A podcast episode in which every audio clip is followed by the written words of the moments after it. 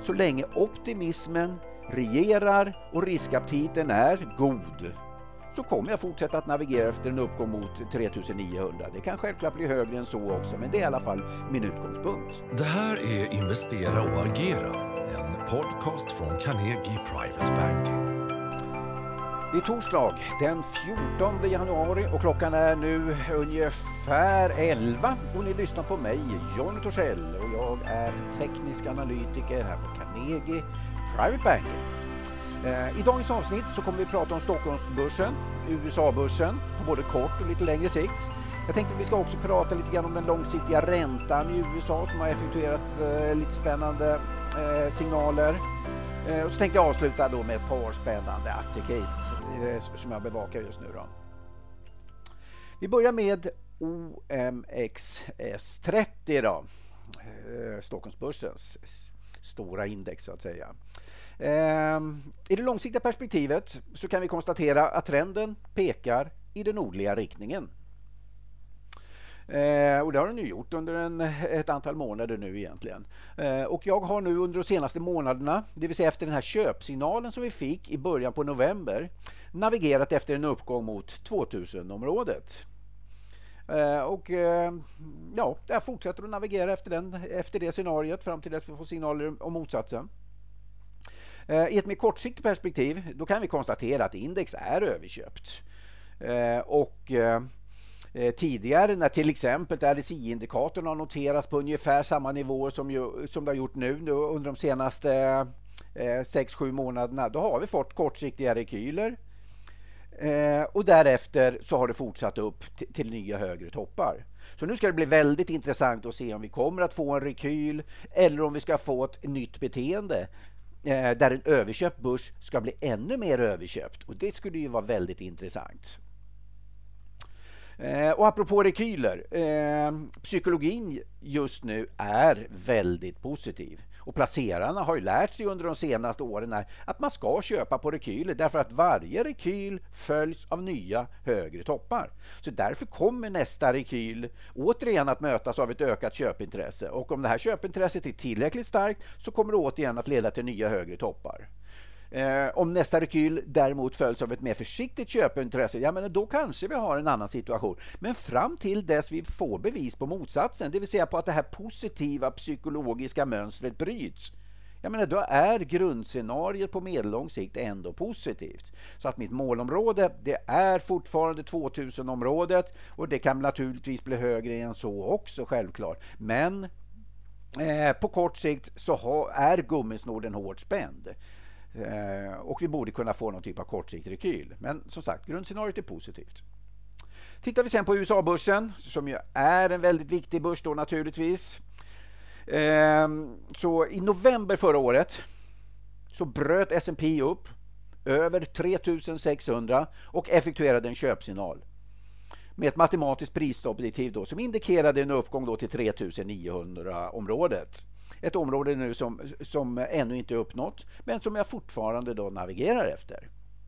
Så det är haft mitt huvudscenario. Jag navigerar efter en uppgång mot 3900-området.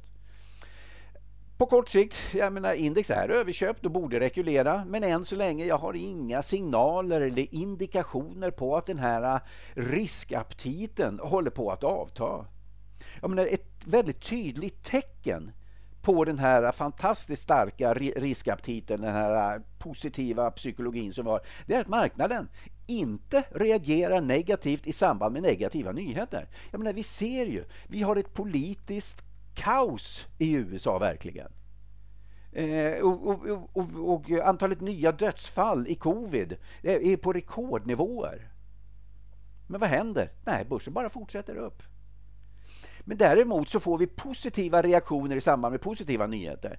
När marknaden enbart reagerar på positiva nyheter och nästan helt negligerar allt negativt, då är det ett tydligt tecken på att den aggregerade psykologin är väldigt positiv.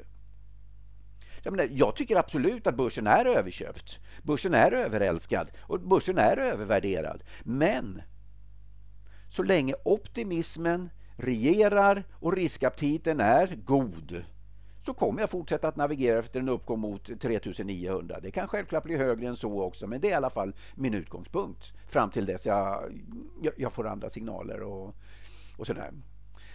Så det är det jag tittar på när det gäller USA-börsen. Då. När det gäller eh, USA, den tioåriga USA-räntan så har den effektuerat en intressant köpsignal. För Det är ju så här att i, i juni eh, eller I april så noterade räntan i botten på 0,55 procent. Nu talar jag om den tioåriga räntan. Och I juni så noterade den en topp strax under 1 procent. Och sen har eh, räntan pendlat mellan eh, 0,55 och ungefär 1 procent hela vägen sedan dess, sen, egentligen sedan i april. Eh, varit uppe på 1 procent en gång, två gånger, tre gånger, fyra, fem gånger. Eh, och häromdagen, precis i början på januari här, då bröt den igenom eh, 1% nivån och effektuerade därmed en köpsignal. Det första köpsignalen på ganska länge. Och eh, prisobjektivet i den här köpsignalen indikerar en uppgång till ungefär 1,4 procent nivån där någonstans. Eh, konsekvensen av en stigande ränta, jag menar, eh, det, det brukar man prata om att eh, eh det är positivt för bankaktierna. Och eh, tittar vi till exempel på bankaktierna, jag ska plocka fram den här medan vi pratar, så, så kan jag konstatera att bankaktierna ser väldigt, väldigt starka ut. Eh, vi, vi, har noterat nya högre toppar i bankaktierna eh, eh under de senaste Eh, månaderna här nu och eh, befinner sig eh, oss precis Eh, under den topp som träffades 2018. Eh, jag tror att den här toppen förr eller senare kommer att passeras för att eh, bankaktierna har gjort en väldigt stark impulsrörelse upp. Kortsiktigt kan vi få rekyler men sen, sen, tror jag att det kommer att fortsätta upp. Tittar man på andra effekter av den här positiva eller köpsignalen i räntan observera inte obligationen utan i räntan. Det är att ibland guldet kan vara lite, lite svagare. Eh, vilket vi har sett nu under den senaste tiden. Men, men, men, men överlag här nu så kan jag konstatera här i alla fall att eh, det viktiga vi har fått köpscenarier i USA-räntan så nu ska det bli väldigt spännande att se om vi får några reaktioner eh, på det.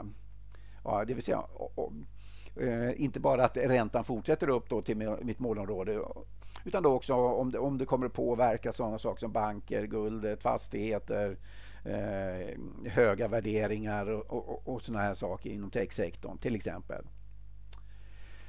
Eh, sen tänkte jag bara avsluta här nu med ett par aktier som jag håller ögonen på det som är intressanta. En aktie har redan effektuerat en köpsignal och en annan håller jag ögonen på som jag tror kommer att effektuera en köpsignal, men eh, har har ännu inte gjort det.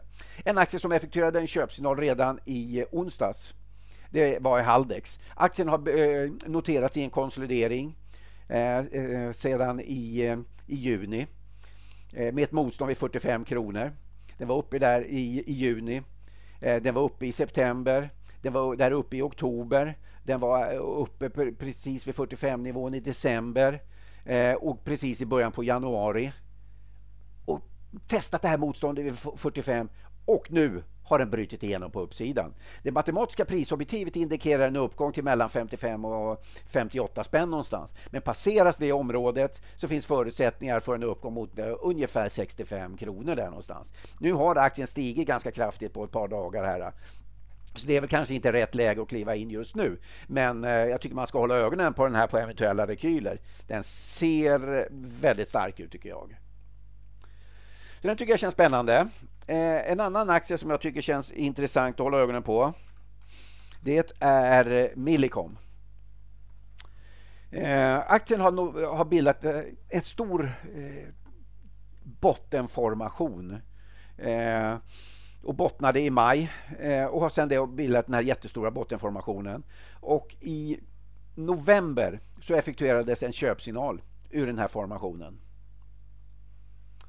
Eh, med ett prisobjektiv för en uppgång mot en 400 kronor. Aktien steg ganska snabbt efter den köpsignalen upp till 350 kronor. Men därefter har den eh, påbörjat en rekyl. Eh, och den här rekylen har skett under en förhållandevis låg omsättning och den befinner oss just nu i en kortsiktigt fallande fallande trend och precis vid eh, 50 dagar, ett stigande 50 dagars glidande medeltal. Så passerar aktien eh, motståndet som möter nu ungefär vid Eh, 330 kronor, eh, dryga 330 kronor eh, då effektueras en köpsignal ur den här fallande trenden. Och får vi den köpsignalen, då tror jag att det här motståndet vid 350 kronor passeras. Och passeras det motståndet, då tror jag att, vi, att aktien ska börja röra sig upp mot 400-nivån. Så att just nu så håller jag ögonen på Millicom och på den här eventuella köpsignalen. Skulle aktien däremot bryta under Ehm, 315 kronor med lite tydlighet och kraft ehm, eller säg ungefär 310 kronor då. Med lite tydlighet och kraft. Eh, då kan det kortsiktigt fortsätta ner lite till. Men som sagt, eh, de nivåerna jag bevakar just nu det är alltså ungefär 330 nivån på uppsidan och 310 nivån på nedsidan. Då. Så ett tydligt genombrott över 330, då tror jag att vi har fått, då har vi fått en väldigt intressant köpsignal i Millicom. Så det var det jag hade idag. Så jag tackar så jättemycket för eh, uppmärksamheten. Tack för att du har lyssnat. Vill du veta vilka aktier och investeringar vi tror på? Du som ännu inte är kund kan beställa en provportfölj på carnegie.se private banking så sätter vi ihop en rekommenderad portfölj för dig.